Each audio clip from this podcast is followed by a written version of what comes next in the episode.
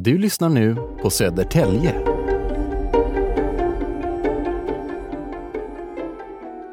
Gotham i England, Mols i Danmark, Bembele i Finland och Södertälje i Sverige.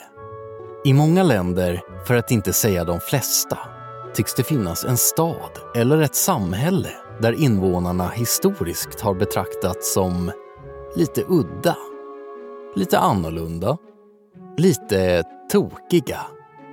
Vi ser det i Holland, i Grekland, i Polen, ja, i vartenda land på kontinenten. Och Tyskland sägs till och med ha flera så kallade tokstäder. Men hur kommer det sig att just Södertälje blev Sveriges tokstad? Att Tälje tokar blev en vedertagen, om en skämtsam synonym för stadens invånare.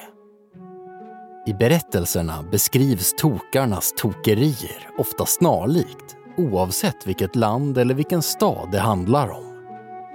Ibland försöker de odla salt på åkrarna. Andra gånger bygger de hus utan fönster och försöker fånga solen i säckar.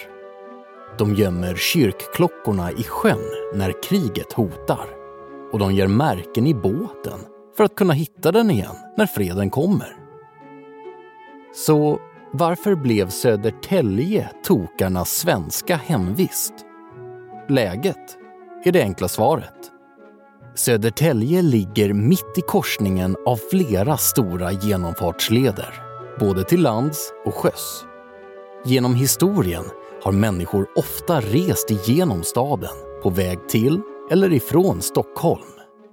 Kungar och drottningar, militärer och missionärer har passerat, rastat, fastnat, köat och väntat i Södertälje och kritiskt betraktat lokalbefolkningen, så som turister ofta gör. Men läget är inte hela sanningen. Berättelserna om Tälje tokar går långt tillbaka, precis som stadens historia.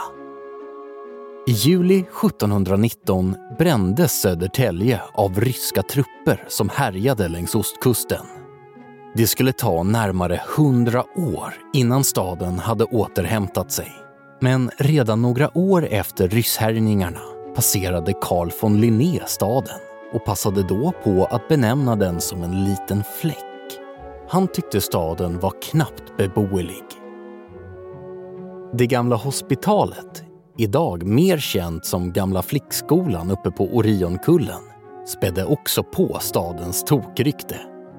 Under slutet av 1700-talet fungerade hospitalet som sjukhus för de södra länsdelarna och patienterna rörde sig fritt på stan. Det gjorde även Täljebornas husdjur.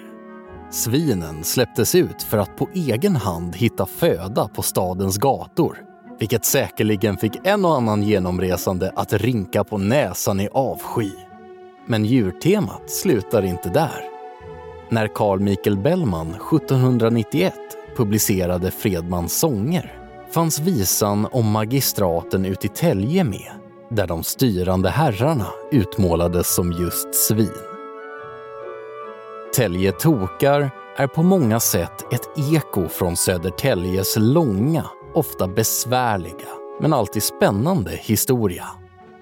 Begreppet är kultur, en del av stadens själ en tydlig karaktär och personlighet. Något att känna stolthet över. Det är trots allt inte många städer, förutom Stockholm, som fått en visa av Bellman tillägnad sig. Och när allt kommer omkring ligger säkert en del av förklaringen till begreppet i själva namnet. Täljetokar. Det låter ju onekligen bra. Det tyckte säkert Bellman också.